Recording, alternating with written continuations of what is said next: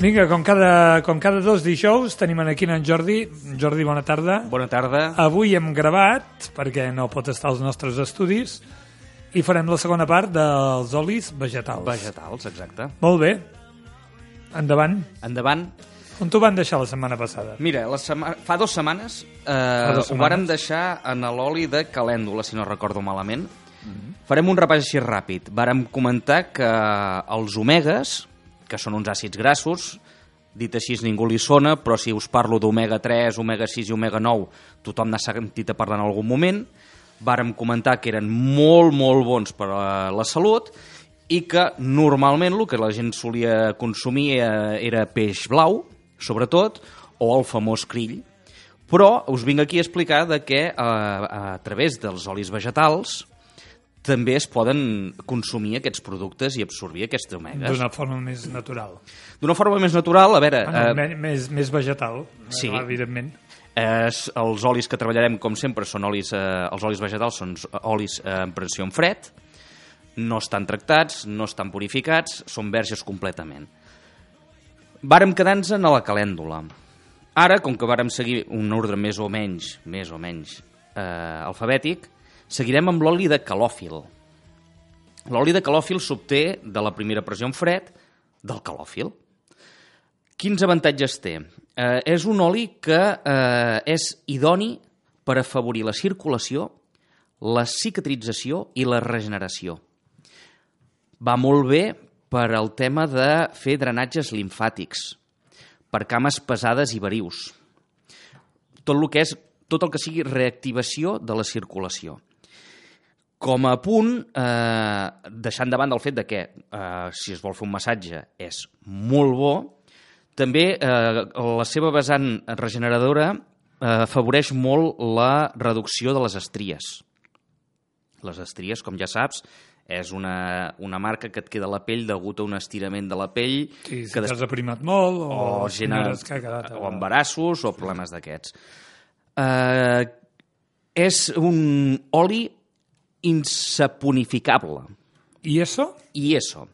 Vol dir que amb aquest oli no pots fer-ne sabó. Ah, Val? Bé, eh, bàsicament vol dir això. Tot i que solidifica per sota dels 14 graus, tu no amb aquest no seria gaire aconsellable de fer-ne sabó. Té eh, l'olor que fa o el gust eh, s'assembla molt al curri, entre el curri i el cafè. És molt especiat. Sí, hi, ha, hi ha una branca de gustos entre el curri i el cafè. Sí, és una cosa curiosa. Mm, No te sabria definir-ho me- d'una altra manera més... Un curri de cafè. Un curri de cafè. Un curri express. Va molt bé, degut a que el tema drenant i regenerador, va molt bé com a tractament pel contorn dels ulls, per evitar les bosses. Però no és aconsellable aplicar-ho sobre les parpelles.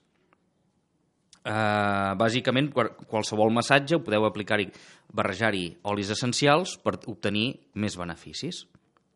Bàsicament, el que, el que heu de tenir clar és que és un oli que és fantàstic, fantàstic, fantàstic per tema cicatrització i tema drenant. Val? Passarem al, al següent. Molt conegut, Aquest, perdona, aquest era un nom raro, eh? calòfil. Calòfil. En castellà, calòfilo. Vale. Uh, el següent ja és més conegut, a tu et sonarà molt. L'oli de cànyam.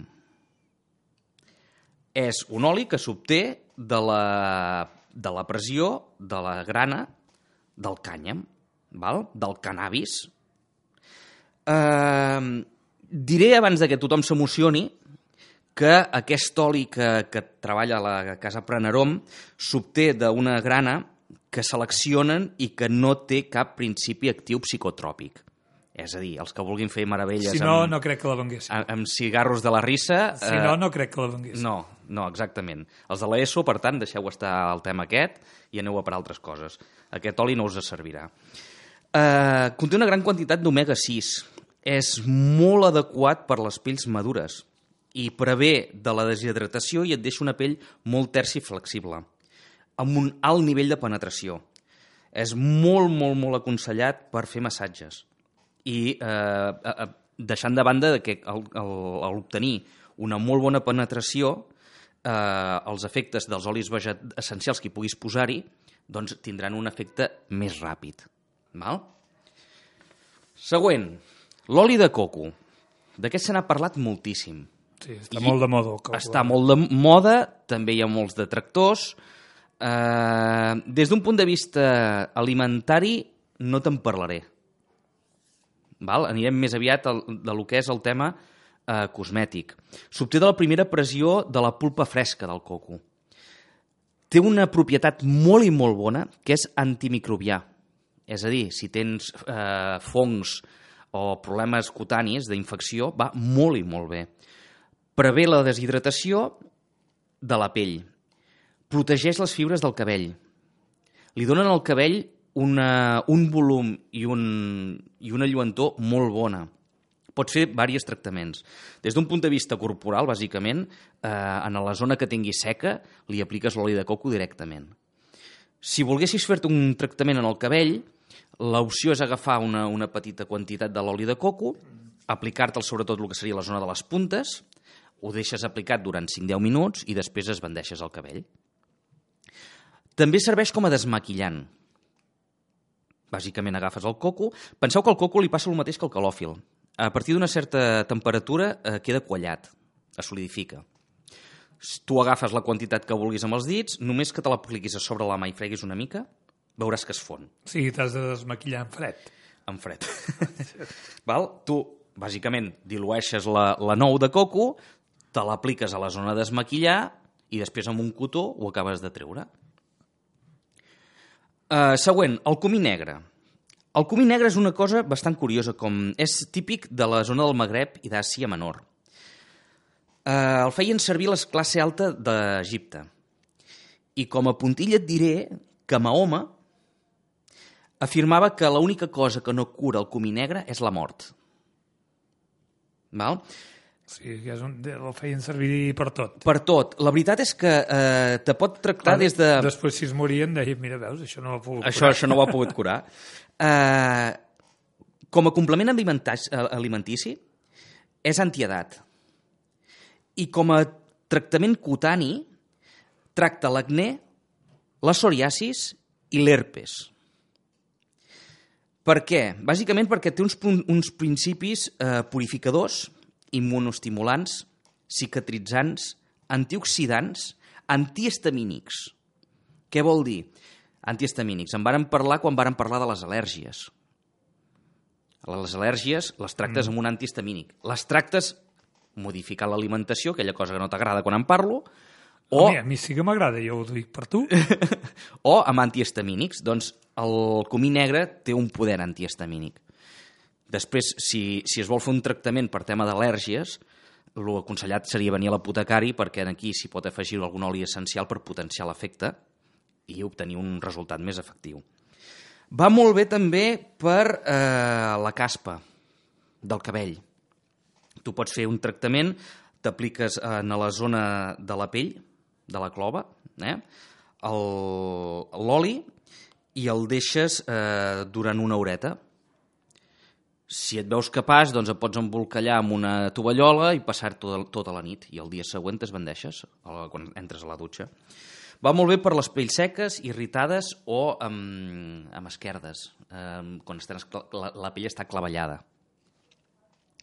I també va bé eh, per l'anticaiguda. Abans no diguis res, ho vaig descobrir tard. Perquè et veig a venir. Clar, és que els que, els que aconselleu coses per la salut heu de ser els que us trobeu més bé. I si és una qüestió estètica... de- Te'n recordes aquell que senyor que deia allò de «Ai, si t'hi hubiera conocido antes»? Sí. Val, doncs a mi m'ha passat el mateix. Em, va, em, vaig de, em vaig despertar tard. Va ser tard. Vaig ser tard. Següent. El germen de trigo. Germa de blat. Gerba de blat. Té una gran quantitat de vitamina E, que va molt bé per eh, combatre l'envelliment. Té una olor entre, eh, sí, de pa, cereals. De fet, eh, és blat, per tant, no ens barallarem gaire. Té un, l'únic problema que té és que li costa molt, la conservació és molt complicada. Per tant, un cop obrim l'ampolla, és aconsellable gastar-lo com a màxim 3 mesos. Va molt bé eh, per tema de pells seques i madures. Es fa servir molt en, prepar en preparacions de, de productes cosmètics. Com que conté la vitamina E, que és un antioxidant, i vitamina K i carotenoides, que és el que vàrem parlar eh, de producte pel tema de la pell, el carotè, eh, va bastant bé com a protector al d'ultravioleta, Pel sol. pel sol. Suau. No us poseu l'oli aquest i us poseu a les 12 del migdia a la platja de la Farella perquè quedareu fregits com un pollastre. Eh? Hem de ser una mica realistes. Bàsicament això, eh, va molt bé per tractar també les estries. I es pot fer servir de massatge tant a la nit com al dia. Després el tema és que l'olor t'agradi o no. Perquè tots aquests olis... Sembles un pa de quilo. Sí, esclar, què passa? Que mm, sí que és veritat que l'olor durarà una, no durarà gaire. Ja, Eh? ja. Però eh, a molta gent a vegades li pot tirar una mica enrere el, el, tema, el tema olors. Ara, eh, la gent que comença a utilitzar els olis aquests eh, de manera cosmètica o fins i tot culinària, perquè eh, a, aquest mateix posat per cuinar és boníssim. Eh, té, té aquest gust de, de, de, de cereal que li dona qualsevol cosa que l'afegeixis un, un, un, un gust molt agradable. De cereal. Sí, de cereal. Següent, l'hipèric. L'hipèric aquest en vàrem parlar. Sí. Uh, pels, Els cops i... per les cremades, sobretot. Les cremades. Eh? Uh, és, uh, aquest no és per pressió, aquest és per maceració. El, l'hipèric té una, unes propietats cicatritzants, reparadores, calmants i antiinflamatòries molt efectives. Uh, va molt bé uh, per descongestionar afeccions vasculars, uh, per tractar petites, la, la, mm, petites feridetes. Però, de la mateixa manera que et serveix per tractar una cremada solar, és fotosensible i el que provoca que si te l'apliques i te- t'exposes al sol, la pell et quedarà marcada. S'ha de deixar passar... Sí, va bé per quan t'has cremat, Sí. a casa teva a l'ombra, te poses això i t'ajudarà Sí. a passar la crema. vas a la platja, eh, et passes de la rosca, no, poses, no fas servir la crema, una crema solar adient. Et cremes. T'apliques això a casa, A l'ombra, a l'ombra... Sobretot no però posar-lo- Només que te l'apliquis al vespre, sí, bueno, clar, Ja. ja és ombra. tot i així, tot i així s'aconsella 24 hores. Uh, va molt bé per les pells fràgils, irritades, i proporciona una suavitat i una elasticitat molt bona a la pell.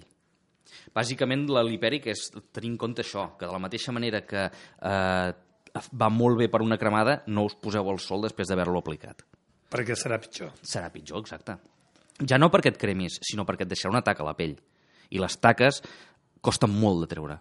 Són molt fàcils que et surtin taques a la pell i és molt difícil de treure'ls. El següent, la jojoba. Va bé per regular les secrecions sebàcies. Què vull dir amb això?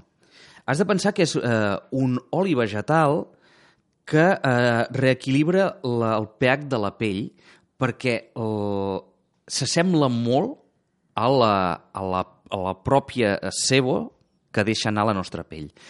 Um, és un oli que es solidifica també per sota dels 14 graus i, eh, com t'ho explicaria, per, per tractaments, per casos, eh, gent amb pell acneica, va molt i molt bé. Per què? Perquè com que el que fa és reequilibrar el pH de la pell, vàrem comentar en el seu moment que el, el problema d'acné moltes vegades era l'excés de, de secreció de, de greix que provoca la pell. Amb aquest oli, el que fas és que la teva pell es reequilibri. Per tant, si vols tractar problemes d'accés, de grassa, aquest és la millor opció. Següent, l'oli de macadàmia. Aquest té unes propietats molt semblants al de l'ametlla dolça. Al igual que l'ametlla dolça... Que era el més fet servir, no? Sí, Eh, tens molt en memòria, eh? Home, 15 dies tampoc són tant. Bueno, no, no, escolta'm, ja veig que, que estàs al cas. El- L'ametlla dolça ja vam dir per què servia, sobretot per hidratar, que era un oli molt versàtil, que a més a més, eh, el- bueno, l'avantatge que tenia l'ametlla dolça era que el qualitat-preu era molt bo sí. i que s'utilitzava eh, per tema de bebès i per eh, el tema de la, de la crosta làctica.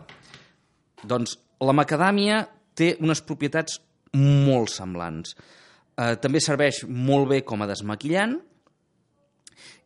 però l'olor no és la mateixa. L'olor eh, té, evidentment, l'olor... Eh, la... Häagen-Dazs. A Häagen-Dazs, sí. A la nou de macadàmia, val? no deixa de ser una pressió de, la, de, de lo que és la, la nou. Evidentment, les olors tenen que veure amb, el que, Home, és amb que el que fas l'oli. No? tu agafes una... És una tonteria, eh? Tu agafes una torradeta de pa i poses l'oli de macadàmia per sobre. Perquè recordem que quasi tots, gairebé tots són comestibles. Sí, si no ho són, t'ho he dit. Sí, bueno, per sí, exemple, sí. el dipèric no t'ho he dit. El dipèric, eh, si l'heu de consumir, val més, eh, No ho és, no ho val és. més consultar-ho. Però el de jojoba tampoc, però el de macadàmia sí. El de macadàmia és, és altament, eh, ja et dic, tu poses una mica d'oli de macadàmia eh, en una torradeta i li dona a la torradeta un gustirrin de... De macadàmia? De macadàmia, sense necessitat de, del gelat, que és molt acceptable. No tinc gaire res més a explicar, bàsicament és de, de fàcil absorció i, i va molt i molt bé. Vull dir, les mateixes propietats que et vaig dir per lo de l'ametlla dolça et serviria per al tema de la, Per la macadàmia, per la macadàmia. El preu no és el mateix, per això també és un pèl més car. El, la nou del barcoc. Cada vegada que, que t'he fet una, una barreja, que t'he dit aquí, doncs mira, barregeu, poseu-me aquest oli vegetal barrejat, ai, aquest oli essencial me'l poseu amb un oli vegetal. I sempre em deies, de què, d'oliva? I moltes vegades et deia la, nou- la nou del barcoc. La nou del barcoc eh, va molt bé perquè és neutra, l'olor. Si, si vols fer una aplicació, com que s'absorbeix molt ràpid i l'olor és neutra, doncs a vegades, si no t'agraden les olors, és una molt bona opció. Va, donen el, un, una lluminositat a la pell molt bona. I és fantàstic també per la crosta làctea. La crosta que se'ls fa al nen aquí en el, en el cap a la, quan són lactants. Eh, torna elas- l'elasticitat i la suavitat a la pell sense necessitat de, de deixar-la grassa. És un, un producte que si sous bastant eh, aficionats eh, a fer barreges vosaltres a casa, és molt aconsellable. També conté vitamina E i fitosterols que són antioxidants. El ricino, el ricí, Uf, què? duent, no, aquest? De gust? De gust, a veure, de gust jo et diria no el consumeixis. Val. Hi ha gent que antes el feien servir per purgar-se. Sí, sí, sí. sí. Eh? Jo et diria no te'l prenguis. Després, a partir d'aquí, mm, Per què? Per què? Si abans era un remei... perquè les mesures... Què passa? Que abans les coses es feien sense tenir mesura, eh, sense saber realment el que et prenies i no sabies si et purgaves bé o et purgaves malament. Sabies que purgaves, però no sabies per què. Exacte. Ara, ara que tens més coneixement del producte i que saps quines quantitats pots consumir al dia i mm, hi ha risí que te'l venen com a producte per consumir, jo, aquest que t'estic presentant ara de la Casa Prenarom, ja saps que tots són de Casa Prenarom, jo et diria no te'l prenguis. Així de fàcil t'ho dic. Que tu vols fer-ho? Allà tu amb les conseqüències jo ja sóc conscient de que es feia servir per purgar-se. Jo aquest, aquest personalment no el faria servir. Com a anècdota, et diré que eh, en anglès es diu castor oil, que vol dir oli de castor. No és que sigui oli de castor. L'oli de ricí s'extreu del ricí. Però abans es feia servir l'oli de castor, que s'extreia de la secreció de les glàndules del castor, per fer... Eh, per, per tema de perfumeria. A dia d'avui s'ha substituït, És com l'àmbar gris, no?, dels, dels catxalotes. sí, o el, el... Ostres, com es deia? T'ho diré cantant. És igual. T'ho diré després. El... Es feia servir per perfumeria el musc. Això, el musc s'extreia dels, del, dels cèrvols o dels alces i ara es fa de manera química. Doncs eh, abans el, de les glàndules del castor es feia servir per perfumeria, l'han substituït amb el ricí, però ha guardat el nom. És, és pur i merament anecdòtic. Eh? És un oli que serveix per protegir eh, i nutrir el cabell sec. I va molt i molt bé per endurir les ungles. la gent que té eh, les ungles molt fràgils, eh, que sàpiga que el, el ricí li afavorirà molt el result, el, la regeneració. A la, en la civilització egípcia es feia servir com a emolient, o sigui, per estoveir i relaxar la pell. I va molt bé també com a, com a desmaquillant. El tractament de les ungles és molt fàcil. Agafes una goteta, te l'apliques a l'ungla, fas una mica de massatge, això a la nit sobretot, i deixes que durant tota la nit vagi actuant. Pel que fa al cabell, dos o tres vegades a la setmana et fas un massatge eh, d'oli de ricí en el cabell i eh, pots aplicar-te durant mitja hora o una hora, deixar-ho reposar, posant-te una tovallola calenta a sobre. És una manera de... i després ja t'esbandeixes el cabell. Són maneres fàcils d'utilitzar l'oli aquest. L'onagre, L'onagre, que s'obté de la primera pressió de les granes de l'onagre, és l'oli fetitxe de les dones a partir dels 40 anys. Eh, serveix per combatre els efectes de l'edat i serveix per... Eh, va molt bé per les pells que són molt castigades. També es, es pot consumir. Entre altres coses, coses perquè combat la inflamació crònica i els desajustaments hormonals de la pre i de la menopàusia. Totes aquestes dones que comencen a tenir ja símptomes de, de tenir la meno o durant la menopàusia, el consum d'aquest oli va molt i molt bé. Si no voleu agafar l'oli perquè se us fa enfarragós, perquè el gust no us agrada, perquè el tema de la cullereta no us va bé, que sapigueu que Prenarom també té oleocaps, que també n'hem parlat moltes vegades, que són unes càpsules eh, d'oli que contenen l'onagre dins. Serveix per tot tipus de pells i, eh, com ja hem dit, té un gran efecte antiedat. La pastanaga. La carrota. La carrota. La zanahòria. Al final l'he posat a quasi, quasi últim, o sigui que l'he ordenat per castellà, per la seta. Els valencians en diuen estafanòria. Estafanòria? Sí. Bueno, escolta, vols que et digui? Uh, S'obté de la maceració de l'arrel. Maceració què vol dir? Ja ho vam comentar-ho. No, tota la pastanaga no és una arrel? Sí, ah. de la maceració de l'arrel. De la pastanaga taronja. De la pastanaga taronja.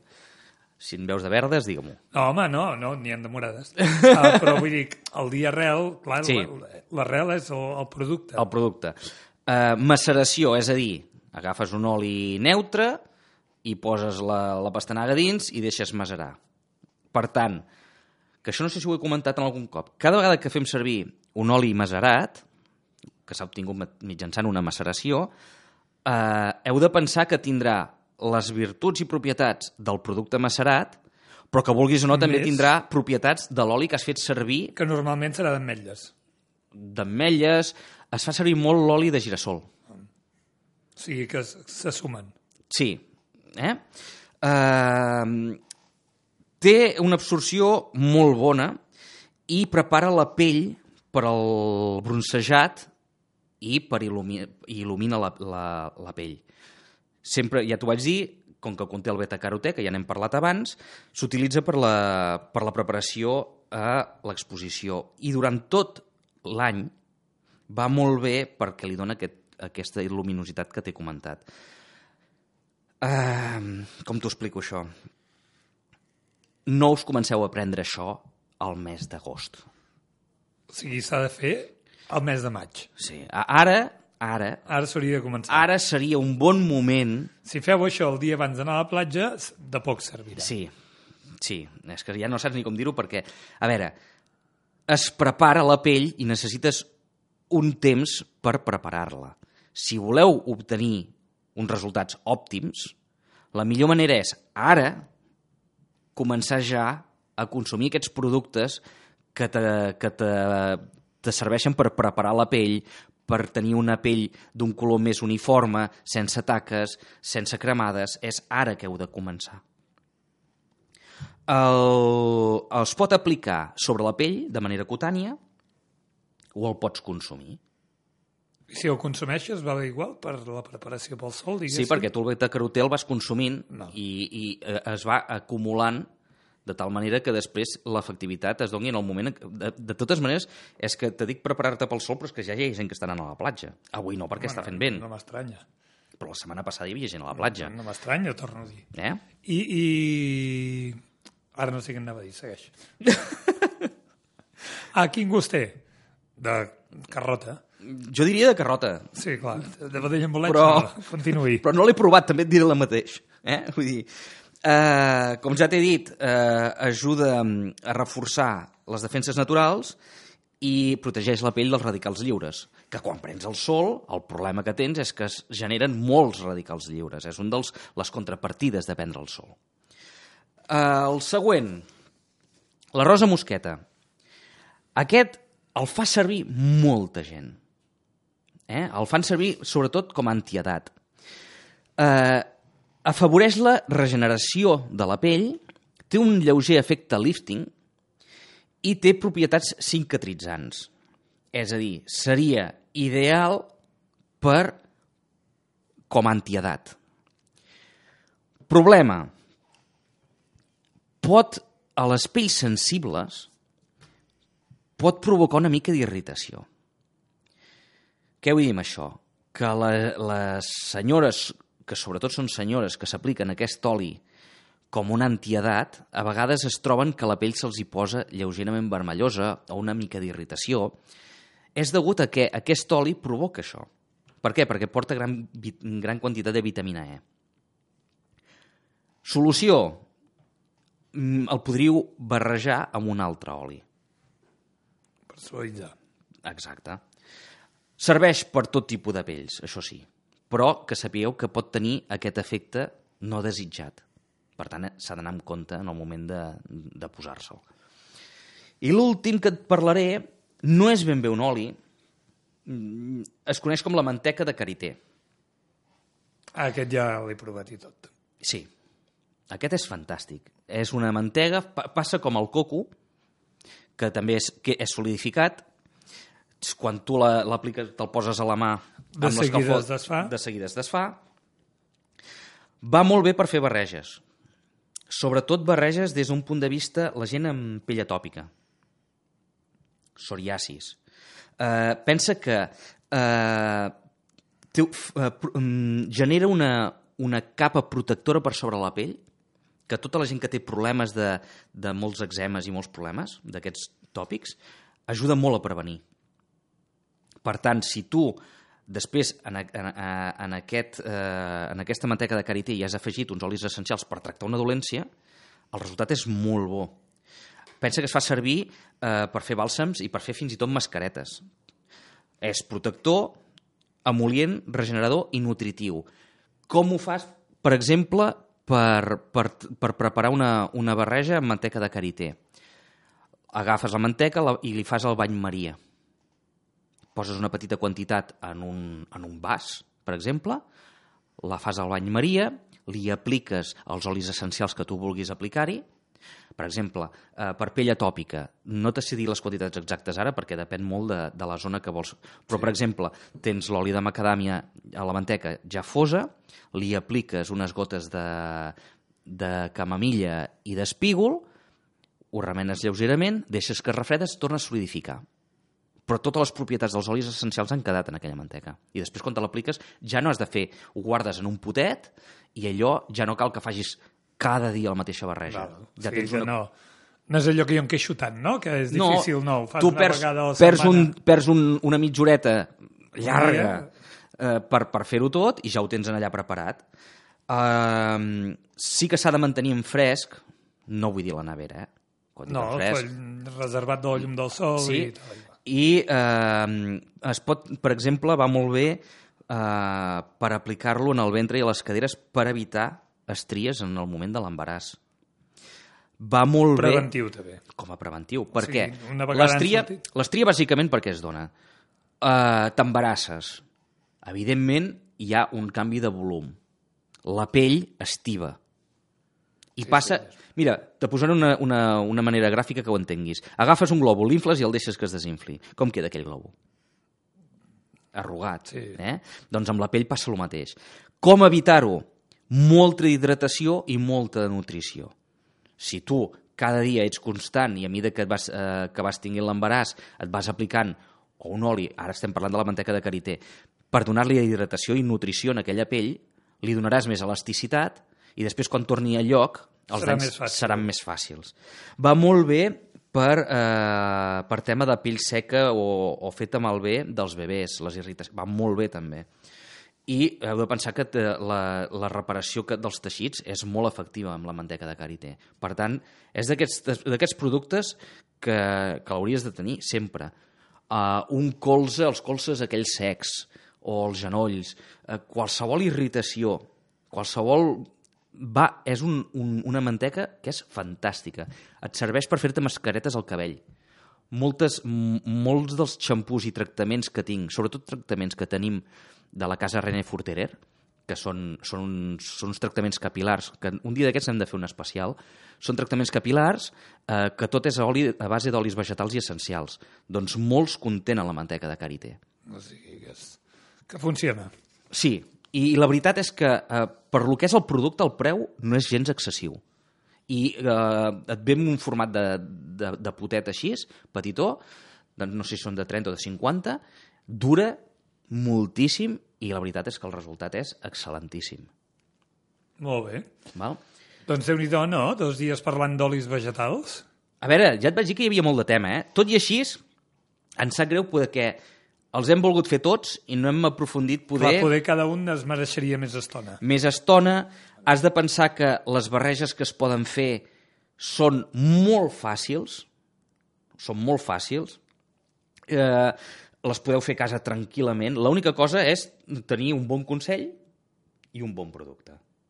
Val? Així s'ho funciona tot. Ah, Sí, Home, ara, com que vindran els teus programes predilectes d'operacions biquinis i aquestes coses, doncs, Doncs- pots introduir cares al sol i cares a... Sí, a veure, bàsicament el que també et diré és una cosa. Uh, la, casa, la casa dels olis, la casa de Prenarom, uh, tenen uns, uns pamfletos, uns pamfletos no, uns, uns llibrets uh, on hi ha Sí, sigues fi, uns díptics, uns díptics. si són de dues fulles. No, no, no. Si són de tres. No, no, no, és llibret. Doncs llibret, doncs Mira, llibrets. mira. Doncs llibrets. No sé si vols fer una foto i després la penges, aquestes coses és que fas tan maques. Lli- Uns, uns llibrets. Uns llibrets... Eh, Que això els, ha de, els el donaran al llançar apotecari. Sí, això si veniu i feu una... Veniu pel tema dels olis, amb la, Doncs- per la compra dels olis us regalarem el llibret.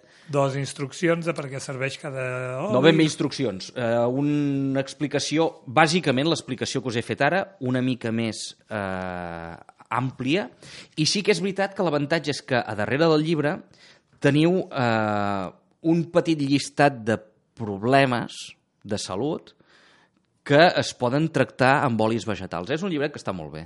Vull dir, si veniu i, i us interessen els olis vegetals, doncs que sapigueu que allà ho tenim. Molt bé.